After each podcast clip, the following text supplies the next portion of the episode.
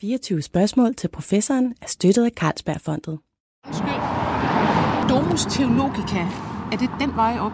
Ja, det er det. Det er det. Ja, det er bare fem minutter at gå. Tak skal du have. Tak. 24 spørgsmål til professoren er taget på landevejen. Det er morgen i Oslo, og det er meget tæt på den 17. maj, nationaldagen, så derfor så er der norske flag over det hele. I de sidste fem år har jeg siddet i små studier og talt med forskere fra danske universiteter, men nu vil jeg høre fra dem, der har forladt Danmark og arbejder ude omkring i verden. Hvad sker der derude, og er det anderledes end hjemme i Annedammen?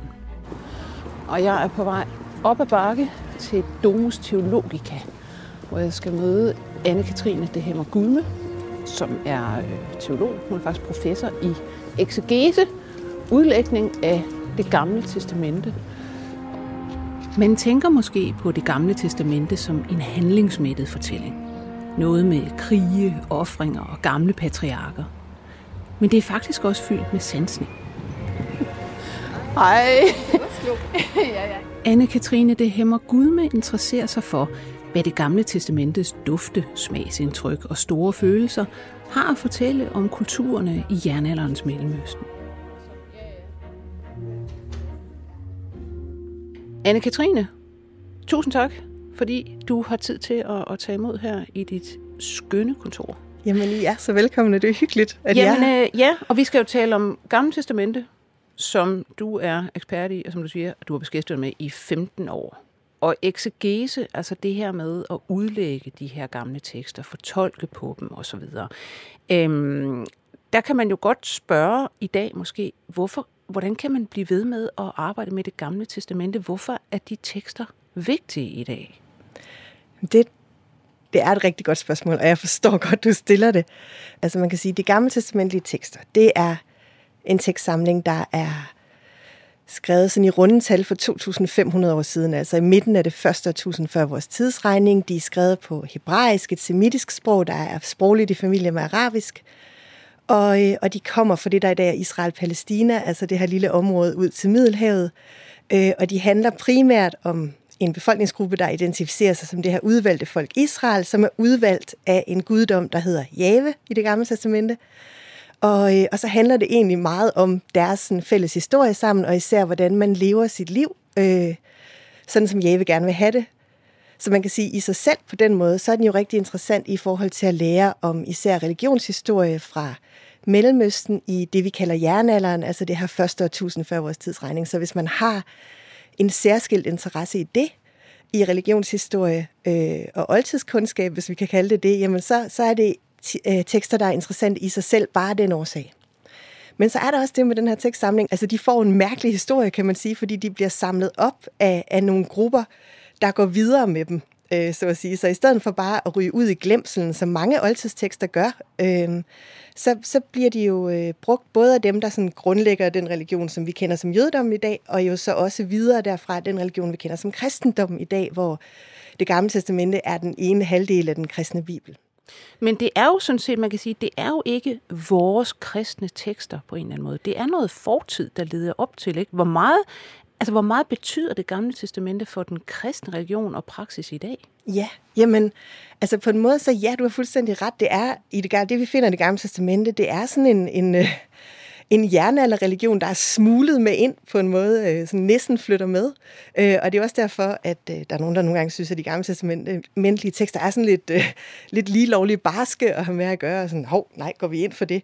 Øh, men, men samtidig så er der også bare så utrolig meget af idégrundlaget og hele rationalet bag den, øh, den kristne teologi og forståelse af, hvem og hvad Kristus er, og hvem og hvad Gud er osv., som jo bygger direkte på de gamle testamentlige tekster, fordi øh, de første kristne var jøder, og deres hellige bog, det var det gamle testamente, og så videreudviklede de ligesom, øh, ja på det tidspunkt, der vidste de det vel dårligt nok selv, at de var kristne, men det der gik hen og blev til kristendommen, det videreudviklede de på den baggrund. Så samtidig så kan man sige, ja, det er Jave-religionen, der er bygget ind i den kristne bibel, er en anden religion fra en anden tid, men samtidig så er det også den grundsten, som hele kristendommen er vokset op på. Så, så, så der er det der forunderlige med det gamle testamente, at man ikke kan leve uden det, inden for den kristne tradition, men nogle gange så kan det også være utrolig svært at leve med det, fordi det repræsenterer en, øh, en tradition, som vi har svært ved at se os selv i, især her i år 2022. Altså, de gamle testamentlige tekster er jo sådan en, som du siger, ja, det er sådan en, en kulturhistorisk tekst, eller kulturhistoriske tekster på ja. mange måder. Og det er jo også, altså for alle, der har en lille smule bibelhistorie og sådan noget, det er jo nogle fantastiske fortællinger. Og vi har mødtes før, og jeg vil øh, opfordre alle til at gå ind og høre det program. Det hedder simpelthen Sex og vold i bibelsk forstand. Og det handlede om, hvordan altså, du har læst dig ned i forskellige absurde, voldelige tekster, og, og hvad det hedder, og ligesom tolket på, hvad, hvad betyder det her og hvorfor brugte de de her horror-virkemidler til at lave de her tekster, for ligesom at, at gøre Jave til den primære Gud i det her område, simpelthen. Ikke? Øhm, I dag skal vi så tale om noget andet, fordi du er gået ind i at, og, hvad det hedder, at se på sanslighed øh, og, hvad det hedder, og, og kødelighed, kan man sige, på, på en anden måde i de her tekster. Det er jo noget med, du har både set på hvad skal man sige, skønhed, skønhedsidealer, og på sådan noget som altså, dufte og hvad de bliver brugt til osv. Hvad, hvad, hvad skal man med det område? Når man har det forskningsområde, jeg, som jeg har, så handler det egentlig altid om at prøve at finde en vinkel ind i stoffet. Altså 2.500 år, det er lang tid. Altså, så der, der er der er en fortolkningsindsats, der skal gøres, og der, der kan man prøve med forskellige vinkler. Altså ligesom man kan fokusere på det her med, med sex og vold og sige, jamen, hvad handler det her egentlig om? Ikke?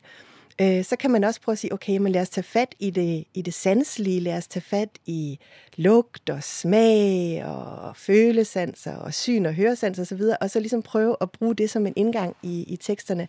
Og nu er det så især det med, med lugtesansen. Øh, det der med et fint ord hedder det olfaktoriske, som, mm, som jeg har ja. øh, sat på. altså, vi skal lige få et fremmedord smidt ja. på bordet med ja. det samme.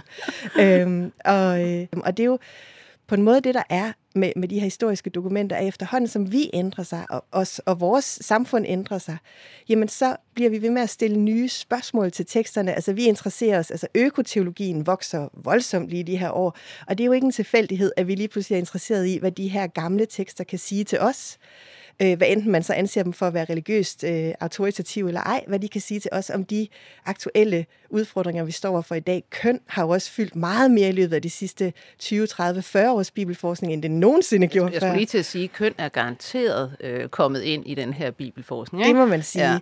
Ja. Øh, og, og, og på den måde også altså slaveri, menneskehandel, som der også er masser af i Bibelen. Ja, ja. Øhm, de, altså, har, de har slavepiger overalt. Ja, ja, stakkels på Maria, hun er jo Guds øh, øh slaveinde. Ja, øhm, også det. Ja, hun hygge sig med det. Men, øh, men altså, så, så der er jo en masse perspektiver der, som måske ikke har været så øh, påtrængende, kan man sige, i tidligere tiders øh, bibellæsning og forskning, som nu kommer ind. Der har været en, en kropslig vending, hvor vi er blevet mere interesseret i også de materielle aspekter af kulturen og historien. Så, så det, at mennesker oplever og påvirker samfundet omkring sig. Det er ikke bare noget, der sker ind i hovedet, det sker faktisk med hele kroppen, og det er den her forskning blevet mere opmærksom på. Øh, og i, i forlængelse af den kropslige vending, der kom der også en sanselig vending. Altså fordi, hvordan er det, kroppen oplever verden omkring sig? Men det gør den jo primært gennem sanserne.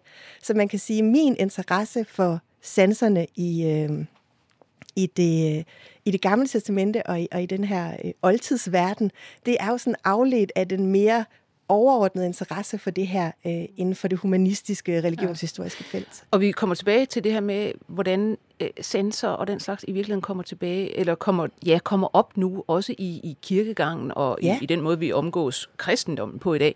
Men jeg synes, vi skal prøve at tage, øh, du har valgt nogle bibeltekster ud, som jeg. er nogle af dem, der, der sådan, altså, taler til dig om det her med sensorne, og især det olfaktoriske. Ja. Øh, og hvad det, jeg synes, du skal hvad det, begynde at fortælle om, om, om en af dem. Jamen det vil jeg gerne. Det, det kommer ligesom især i to typer af tekster, kan man sige. Det kommer især i nogle af de tekster, som der aldrig er nogen, der læser, fordi de er lidt kedelige at læse, men det er anden, tredje Mosebog, og det er noget af det, der kaldes for det præstlige materiale, og det handler sådan ligesom om helligdommen, og i forbindelse med åbenbaringen på Sinai-bjerget, hvor Gud han kommer ned på jorden og står og snakker med Moses og Israel om alt det, han godt kunne tænke sig sådan for fremtiden, så siger han blandt andet også, hvordan han rigtig, rigtig gerne vil have sit tempel indrettet, og så kommer der bare sådan nogle lange beskrivende tekster med øh, fire røgelseskar til højre og ni guldkafler til venstre og sådan noget. Det bliver lidt, lidt kedeligt måske.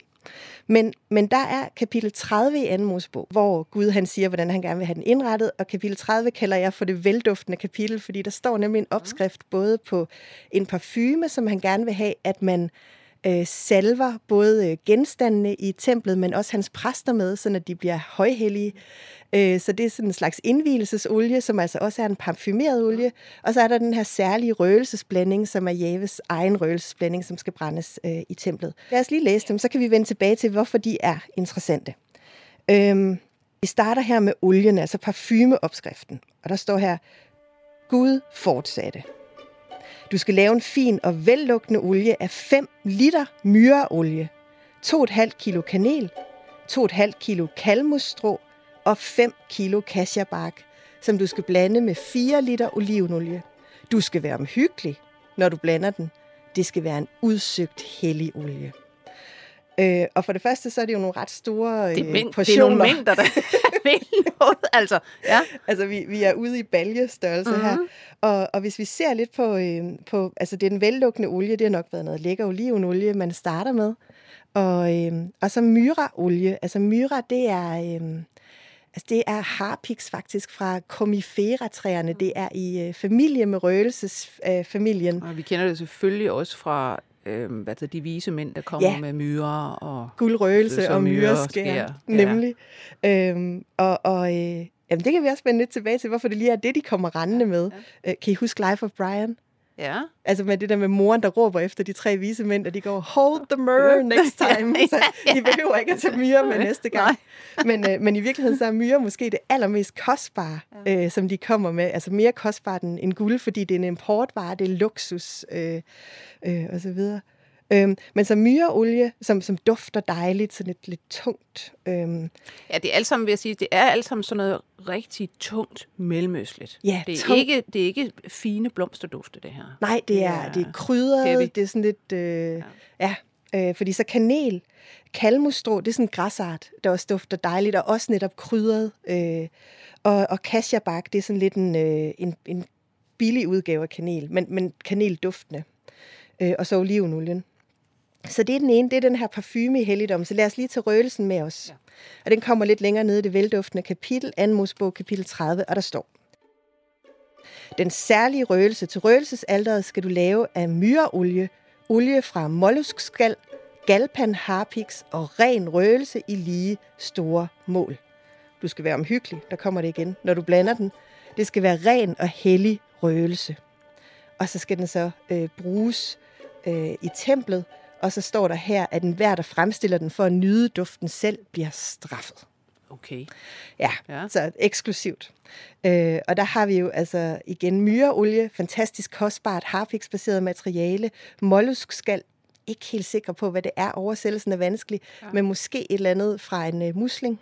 Ja, altså mollusk, eller mollusker, det er jo simpelthen øh, bløddyr, muslinger. Ja, ja. netop. Ja. Og, og det er lidt, altså de dufter egentlig ikke sådan, at det helt store, men, men det hebraiske ord er sådan lidt, vi er ikke helt sikre på, at det faktisk er den rigtige oversættelse, ja. vi prøver.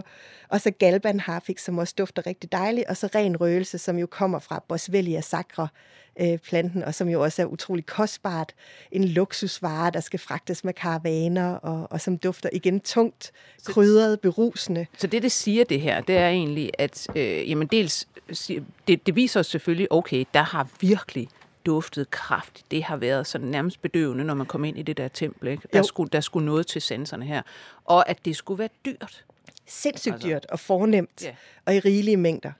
Yeah. Øhm, og det man sådan egentlig inden for gammeltestamentlig forskningen, den måde man har set på, på de her to tekstsnipper på, det var, at, at, at det var ligesom det kultiske, det rituelle, og så havde vi de andre steder i Gamle Testamente, hvor de her duftelementer dukker op, og det er især noget, der handler om det erotiske. Det kan være sådan noget som højsangen, øh, øh, Esters bog, øh, ordsprogene, nogle få passager og sådan noget. Og så, var det, og så har man altid, der var sådan en overleveret visdom om, at de to sfærer, hvis vi kan kalde det det, det kultiske og det erotiske, de havde intet med hinanden at gøre.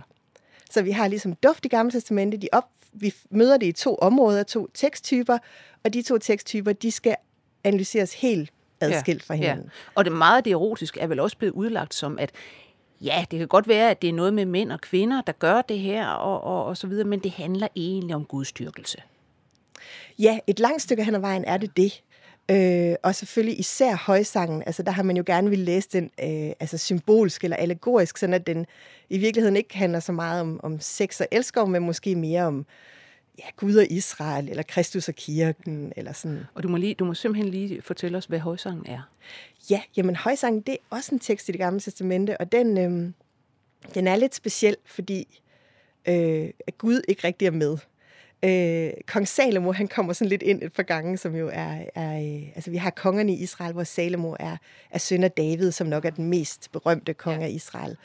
Øh, og, men ellers så er der ikke sådan så meget guderi ind over overhovedet. Øh, det er egentlig bare en poetisk tekst på, øh, jamen, jeg tror, der er otte vers, eller otte kapitler, øh, og der er en fantastisk øh, beskrivelse af manden i højsangen her, højsangen kapitel 5. Min elskede stråler. Hans kinder er friske og røde. Man ser ham straks i mængden. Hans hoved er det fineste guld. Hårets krøller er bløde og sorte som ravne. Hans øjne er som mørkebrune duer badet i mælk, siddende på bredden af en skinnende sø. Hans kinder er skønne som velduftende bede, fulde af de friskeste urter. Hans læber er liljer, drøbende af myreolie. Hans stærke arme er stave af guld med indlagte ædelsten. Hans bryst er et skjold af elfenben pyntet med safir. Hans ben er marmorsøjler, festnet til en plade af guld. Han er smuk som Libanons bjerge, flot som sidertræer. Flot fyr.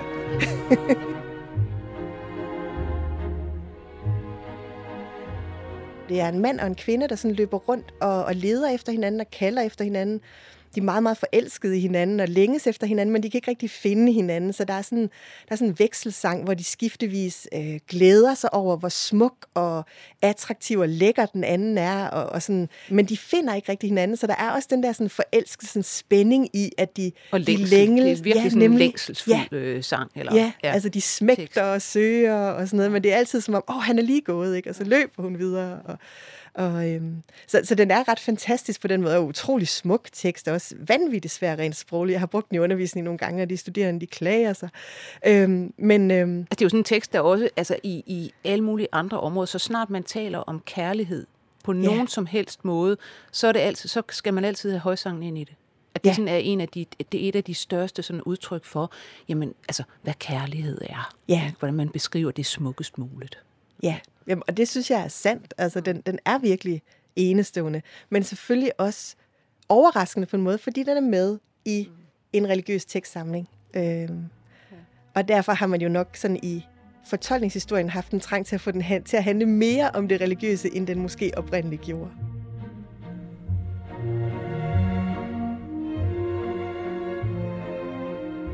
Du er smuk, min skat, du er smuk. Dine øjne er blide som duer, dit hår falder mørkt over skuldrene, som en flok geder i løb over Gileads bjergskroninger. Dine tænder er som nyvaskede får, kridhvide og fugtige. I flokken mangler der ingen, de er der alle sammen. Dine læber snor sig som et højrødt bånd, din mund er så dejlig. Bag silken gløder dine kinder som granatæbler. Din hals er slank og stærk som kong Davids tårn, pyntet med halssmykker, som var det tusind krigere skjolde. Dine bryster er som to unge hjorte, som gazelletvillinger, der græsser mellem liljerne.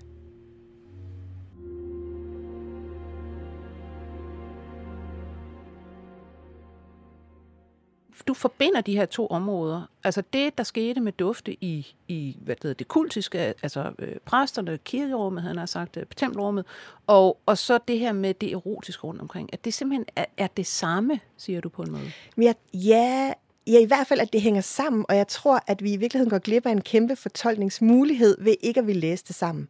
Fordi hvis vi nu ser på, hvad det er, duftene udstråler og fortæller os, er med til at understrege i de andre tekster, så, så tror jeg, at vi kan få noget ekstra information med om Jave i, øh, i ritualteksterne, og simpelthen forstå lidt bedre, hvad det er for en Gud, der bor i det der tempel.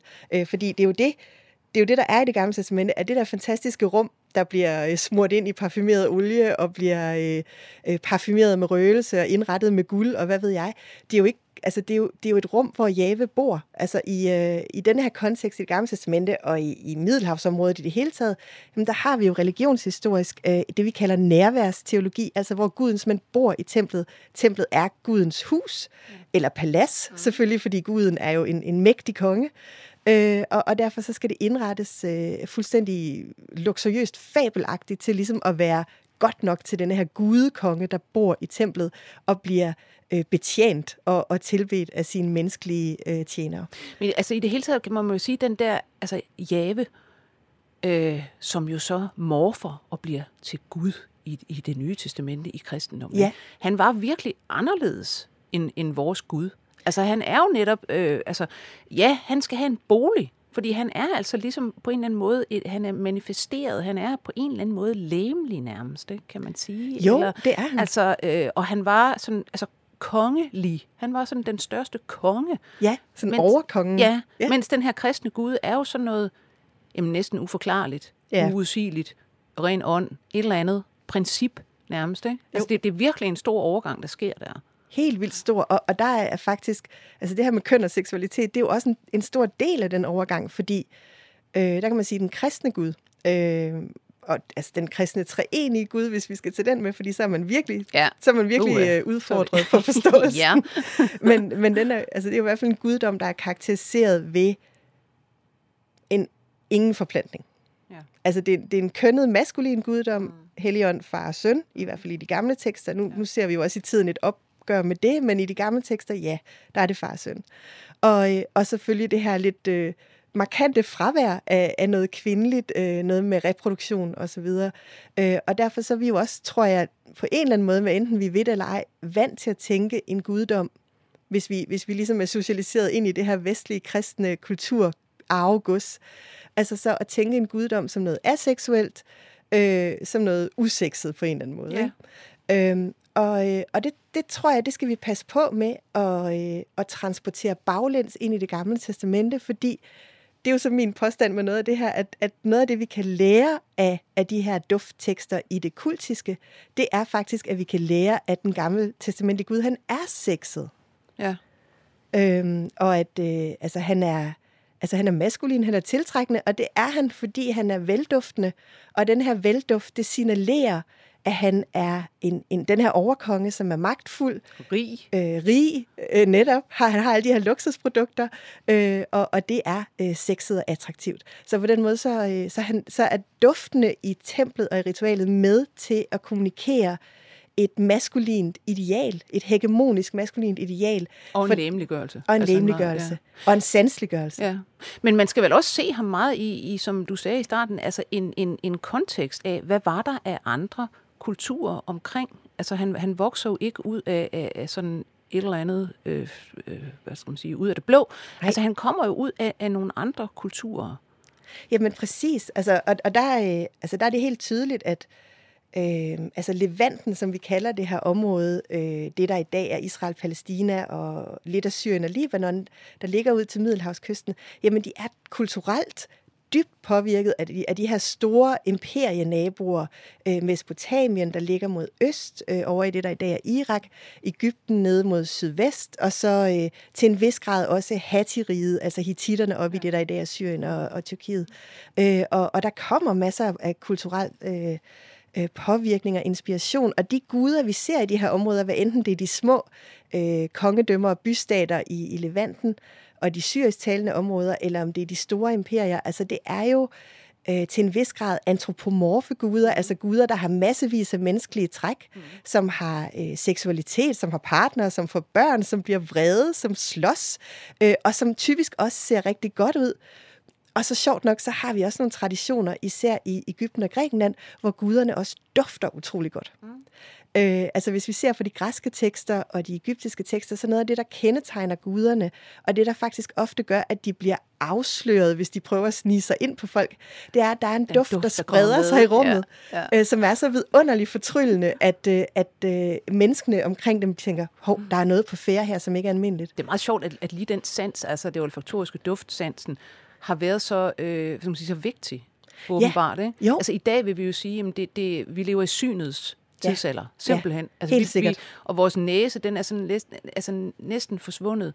Og man kan sige, man, man opdagede den lidt igen med, med corona, fordi der mistede folk totalt lugte og smag. Ja, så kunne de lære det. Ja, så kunne de nemlig lære det, hvad, hvad det betyder. Ikke? Men, men den er faktisk lidt væk. Altså synet er det hele i dag. Ja. Billedkulturen, ikke?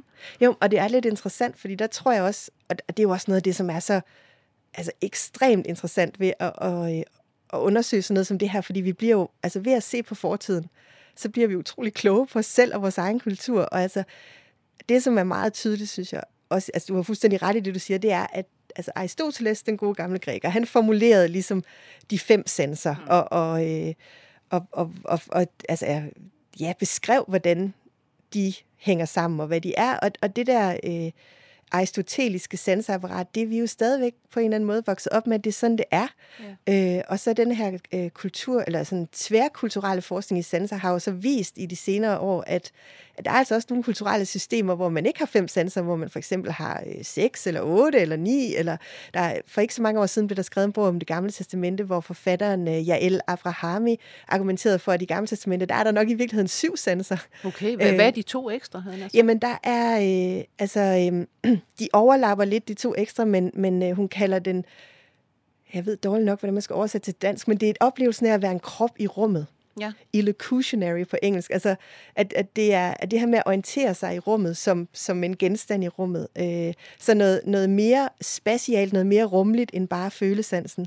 Øh, og, så, øh, og så er der en beslægtet syvende sans, som, som overlapper meget med det, som også er det her med bevægelse.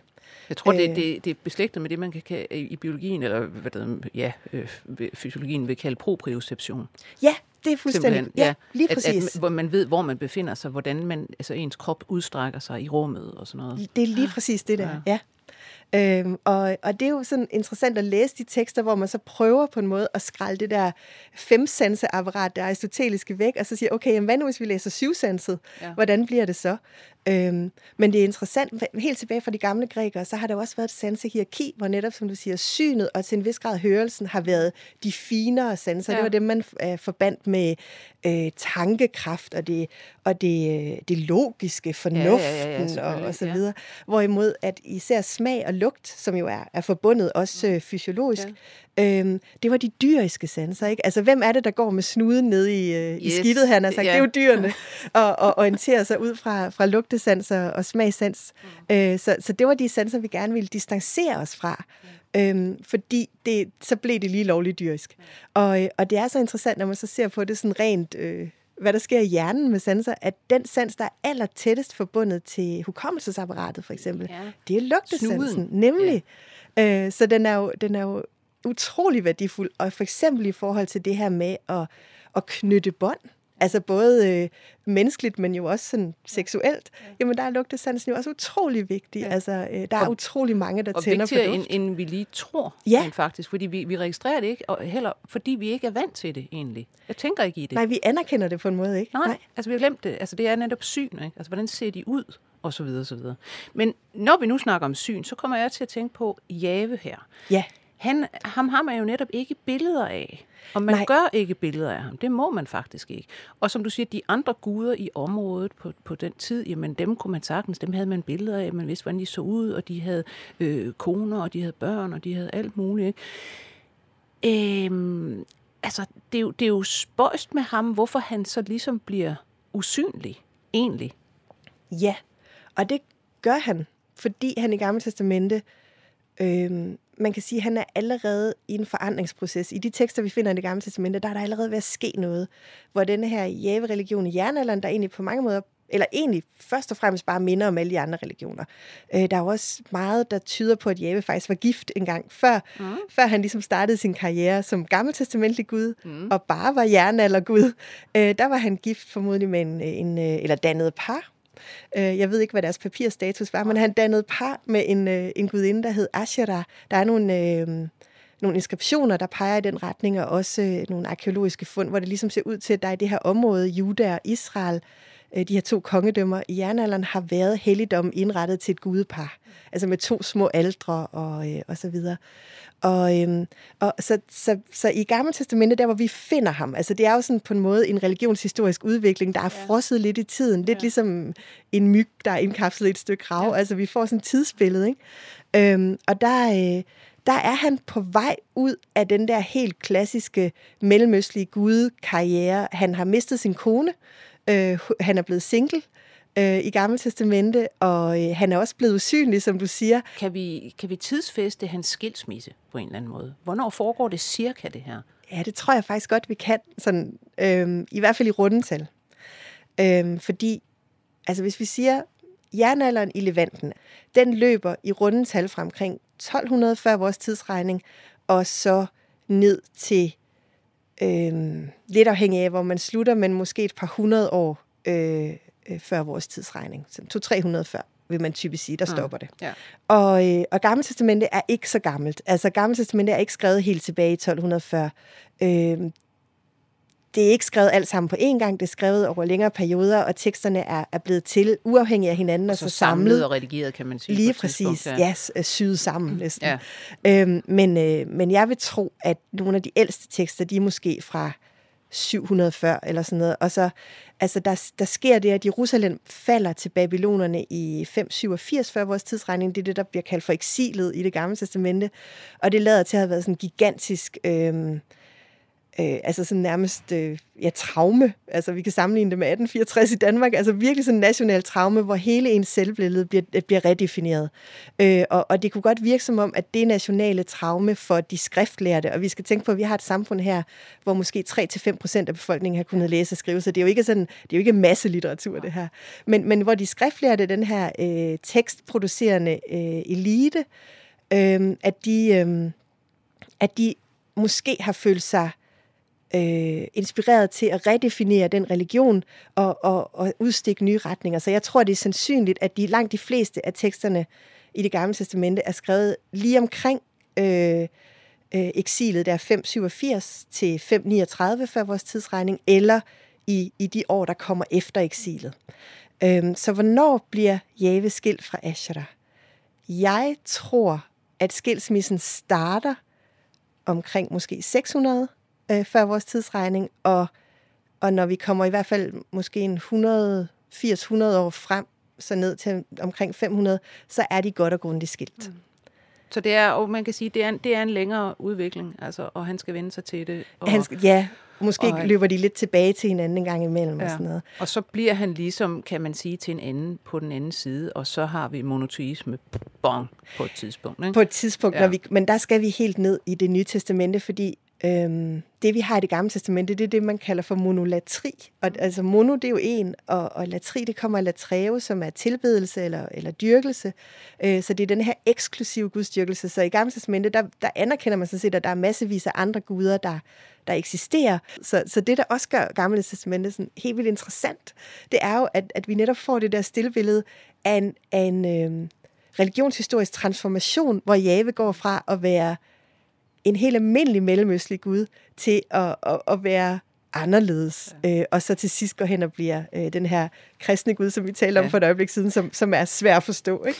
Men det her med, lad, os, lad, os lige tage det her med, med vi har det, den usynlige Gud, øh, men stadigvæk, altså hvis vi nu tager synsansen, øh, og tænker på skønhed og skønhedsidealer øh, for, altså for menneskene i ja. det gamle testamente. Det har du også kigget lidt på. Det har jeg, og der du sagde, at jeg måtte godt tage et, et par tekster med, så der har jeg faktisk mm. fundet en tekst mere, øh, som jeg synes er rigtig interessant her. Det er salme 45. Øh, fordi der får vi en, en, en virkelig, virkelig fin beskrivelse af, hvad en ideelt smuk mand er i det gamle testamente. Og, det er simpelthen salmernes bog? Salmernes bog og salme 45. Og det er traditionelt sådan blevet kaldt for en bryllupssalme. Altså der, der er sådan lidt Prince Charming over det, fordi det er et kongeligt bryllup, hvor, øh, hvor der er en smuk prinsesse, der skal giftes med en, en fantastisk lækker konge. Øhm, og her øhm, er det interessant at se, at alle sanserne kommer faktisk i spil, eller rigtig mange af dem. Øh, fordi der er beskrivelser af, hvor smuk han er at se på, altså synssansen, men der er også beskrivelser af, hvor lækker han er at dufte til. Bare lige prøv at høre. Øhm, fordi der står her, altså det er talt, øh, ham der skriver salmen, digteren, han taler direkte til kongen, og han siger, Du er den smukkeste af alle. Dit ansigt er vidunderligt smukt. Gud vil velsigne dig til evig tid. Spænd dit svær om hoften. Du er en krigshelt, majestætisk og skøn. God krigslykke til dig for sandhedens og retfærdighedens sag. Din stærke hånd skal give signal til forfærdelige ting. Dine pile er skarpe, de dræber mange. Dine fjender bliver ramt i hjertet. Din trone står til evig tid. Dit kongescepter er retfærdighedens scepter. Du elsker retfærdighed og hader uretfærdighed. Derfor har Gud indvidet dig med glæde og udvalgt dig frem for dine ligemænd. Dit tøj dufter af myraolie, aloe og kanel. Folk glæder dig med harpespil i elfenbenspaladser, der kommer høresansen. Dit harem er fuldt af kongedøtre. Dronningen står ved din højre side, klædt i guld fra Ofir.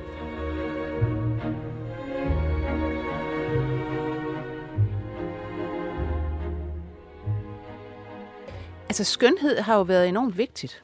Ja, rent faktisk. Fordi nu igen, vigtigt. hvis man sammenligner med altså det kristne, og man tager specielt, altså lad os sige, Luthers tradition, altså det er ikke ligesom det, men, men der, der skal man, vi skal jo netop væk fra i kristendommen. Altså, det er ikke det ydre, det er det indre, der ja. tæller. Det er, altså, hvad skal man sige, hvordan du, øh, hvem du er, om du er god i dit hjerte, om du øh, hedder Gud, om du er dit og dat. Ikke? Altså, men, men der er enormt meget øh, fokus på skønhed og det ydre i det gamle ja, testamente. det er der. Øhm, og, øh, og det hænger jo altså nok sammen med tidens idealer.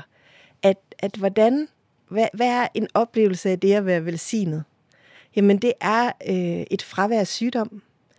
Øh, det kan være øh, sundhed, altså det, det at være sund kan også være smukt i sig selv. Øh, ungdom, øh, styrke, og så selvfølgelig øh, altså luksus, rigdom, det at kunne klæde sig i smukke klæder, det at kunne smykke sig i ofuja guld, det at kunne øh, at dufte vidunderligt af myre, olie og kanel, øh, øh, at være ren, og være parfumeret, og være olieret og friseret. Altså det er jo Øh, det er billedet på det fremgangsrige og, og derfor også lykkelige menneske, fordi det har, der er et fravær af, af alle de forfærdelige lidelser og skavanker, man ellers kunne have. Var det, sådan, var det lige så vigtigt for, for mænd som for kvinder ja. at være skønne ja. og smukke? Helt ja. sikkert. Øh, og og øh, nu har jeg jo altså, virkelig stået på hovedet i de her tekster de sidste par år, og altså, der, er, der er sådan set lige så mange tekster, der fokuserer på, på mandlig skønhed og velduft, stort set, mm. som, som der er om kvinder. Øh, er det så de samme skønhedsidealer, som vi har i dag, egentlig? Mm, både ja og nej. Ja. Øh, altså nu, jeg kan godt lide den her salme 45, fordi øh, den egentlig giver sådan en ret fin pakkeløsning på, hvad en atroværdig og succesfuld maskulin mand er i det gamle testamente. Altså han, øh, han er smuk. Mm. Han er den smukkeste af alle, ikke? Så, ja. ligesom, så, så kan det ikke blive meget bedre. Han er også en kriger. Han skal spænde sit svær om hoften. Han er krigshelt. Hans pile er skarpe og dræber mange. Han gør forfærdelige ting. Ikke? Altså han er, han er modig, han er stærk, og han vinder. Ja. Det, det er også vigtigt at få med. Du kan være lige så modig og stærk, du vil. Hvis du taber, så er det ikke så sjovt. Øhm, og øh, hans trone står til evig tid. Han har et dynasti, han har magt, han er velsignet af Gud. Øh, og så også det her med, at han elsker retfærdighed og hader uretfærdighed. Det vil sige, han er klog, han er en god leder. Øhm, og øh, han er udvalgt frem for sine ligemænd, så dufter han godt øh, som jeg bliver ved med at snakke om. Han bor i det her elfenbenspalads, hvor der bliver spillet for harve, og så har han en brandlækker dame, mm. der står ved hans side klædt i guld. Og hvis vi nu læser lidt videre, men det skal vi nok lade være med, så står der også, at hun skal føde ham en masse sønner, som skal føre dynastiet videre. Ja. Og, øh, og, og så er det ligesom på plads, ikke? Altså, så, så, så kan du ikke være en bedre maskulin mand i det, i det gamle testamente, end, end den opskrift der.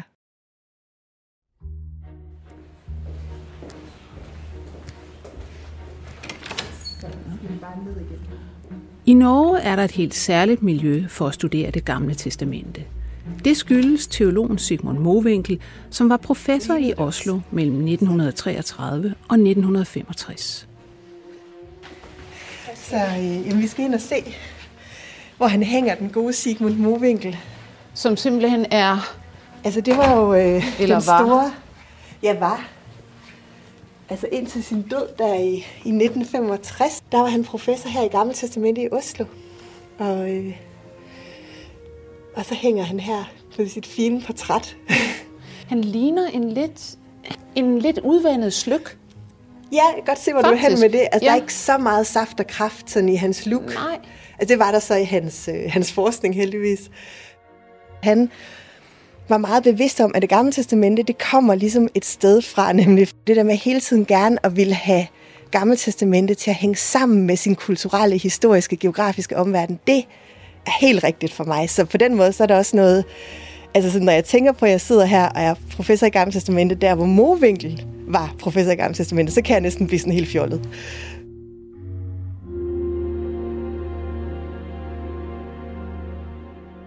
Du er så også begyndt at se på, jamen, hvad betyder det egentlig, eller hvordan kommer det igen det her øh, i, i praksis nu om dage med hensyn til altså, øh, sanselighed? Og det er specielt sådan noget med, med mad, du var peget på. Ja, det, det er fordi, jeg, øh, altså før jeg sådan for alvor gik ind i det her med, med duftesansen og, og det øh, olfaktoriske, der arbejdede jeg en del med mad og drikke i det gamle testamente. Igen det her, øh, altså det, det er jo også det sanslige, det kan føles, smages, lugtes, det taktil, det, det håndgribelige. Øhm, og i den forbindelse, så havde jeg sådan en lille niche hobbyinteresse, som var bibelkogebøger som, som er noget lidt fantastisk. Altså, det er øh, kogebøger, som bruger Bibelen som inspiration. Det må næsten være kommet fra USA. Det er det også. Ja, det, det er, altså. Og der er også mange flere, der bliver udgivet i USA, end ja. der er i Danmark. I Danmark er der stadigvæk ganske få. Men det er sådan... Øh, og det, og det, men der var faktisk en bibelkogebog især, altså Paul Joachim Stenner, som jo mange har hørt om. Han har jo også slået et slag for sanserne i kirken. Det må man sige. Og... Altså mere sex og, og mere duft og så videre. Nu har han faktisk lige skrevet et større essay om, at han har mistet sin lugtesans under covid. Oh, nej, det har stakkel. været rigtig, rigtig slemt, tror jeg nok. Det kunne jeg forestille ja. mig, ja, fordi hans bogen før det, det var jo Guds sved, hvor det handlede Præcis, om at dufte Gud. Ja. Ja. Men, øh, men han skrev en, øh, en kogebog for, øh, ja, det tror det var tilbage i nullerne, den hedder Præsten og, og Kogejomfruen, øh, hvor, de, hvor de havde sådan nogle, øh, altså egentlig meget sådan praksisorienterede tips til, øh, hvordan man også kunne tage piknik med ud på kirkegården og, øh, og, og spise i kirken og sådan noget. Og den, den skrev sig jo egentlig ind i en trend, der er, har været i mange danske kirker i mange år efterhånden med at, øh, og øh, have spaghetti-gudstjenester mm. og brunch og sådan noget. Og så noget, der virkelig er kommet her i de senere år, og som, som er boomet helt vildt, det er det her med at have et måltid kirken skal torsdag. Altså simpelthen inde i kirkerummet? Inde i kirkerummet. Ja. Øh, igennem det her måltid, og igennem det at sidde og spise sammen i forlængelse af ritualet, øh, nærmest genopføre den sidste nadver som en mm. form for måltidsteater. Og øh, jeg lavede en lille undersøgelse her øh, forrige sommer, hvor jeg bare øh, altså, tog kontakt til nogle præster, der har arrangeret, og, og sådan stillede dem nogle spørgsmål. Øh, noget, jeg gerne vil lave til et større forskningsprojekt på et tidspunkt, for der er slet ikke forsket i det. Øhm, og, øh, og der er meget af det, de sagde, det meldte tilbage, det var, at men det er så dejligt, det her med at kunne gøre noget omkring påsken og i kirken, som er noget andet end ord. Altså, vi er så gode til ord i kirken.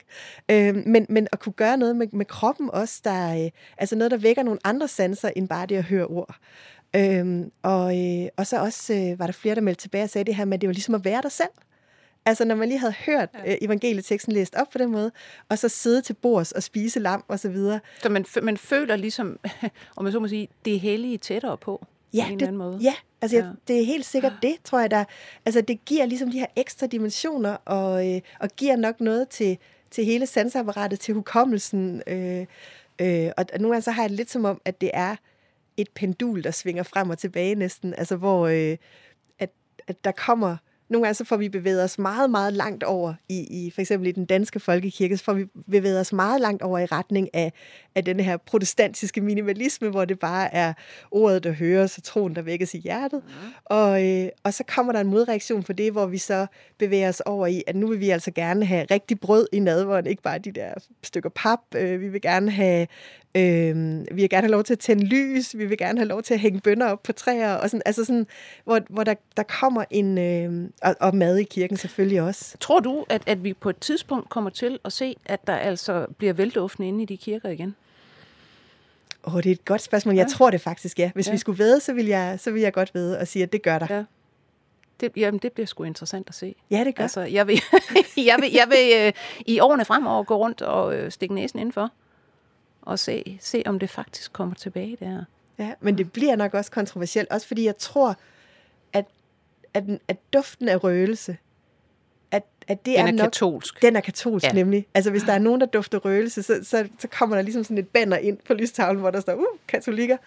Øhm, så, øh, så ja, men, men jeg tror det i hvert fald nogle steder, der vil man prøve det. Jeg talte faktisk, jeg var, øh, jeg var nede i Frederiksstad, som ligger her syd for Oslo, og der mødte jeg helt tilfældigt en præst. Jeg var inde og se deres kirke, og så kom vi bare til at stå og småsnakke.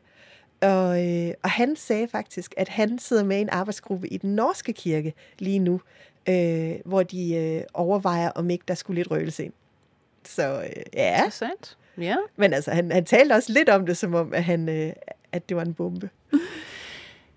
Anne-Katrine, det her med Gud med, det har været en kæmpe stor fornøjelse at, at ses igen. Og som sagt, sidst var det jo øh, sex og vold, og nu er det så skønhed, duft, sanselighed, og øh, altså, ja, who knows, hvad det bliver næste gang. Men jeg, jeg er næsten sikker på, at jeg kommer igen. Det vil jeg glæde mig til, øh, og det var rigtig hyggeligt at tale med dig. Programmet i dag blev produceret af Birgit Nielsen Petersen, og jeg hedder Lone Frank.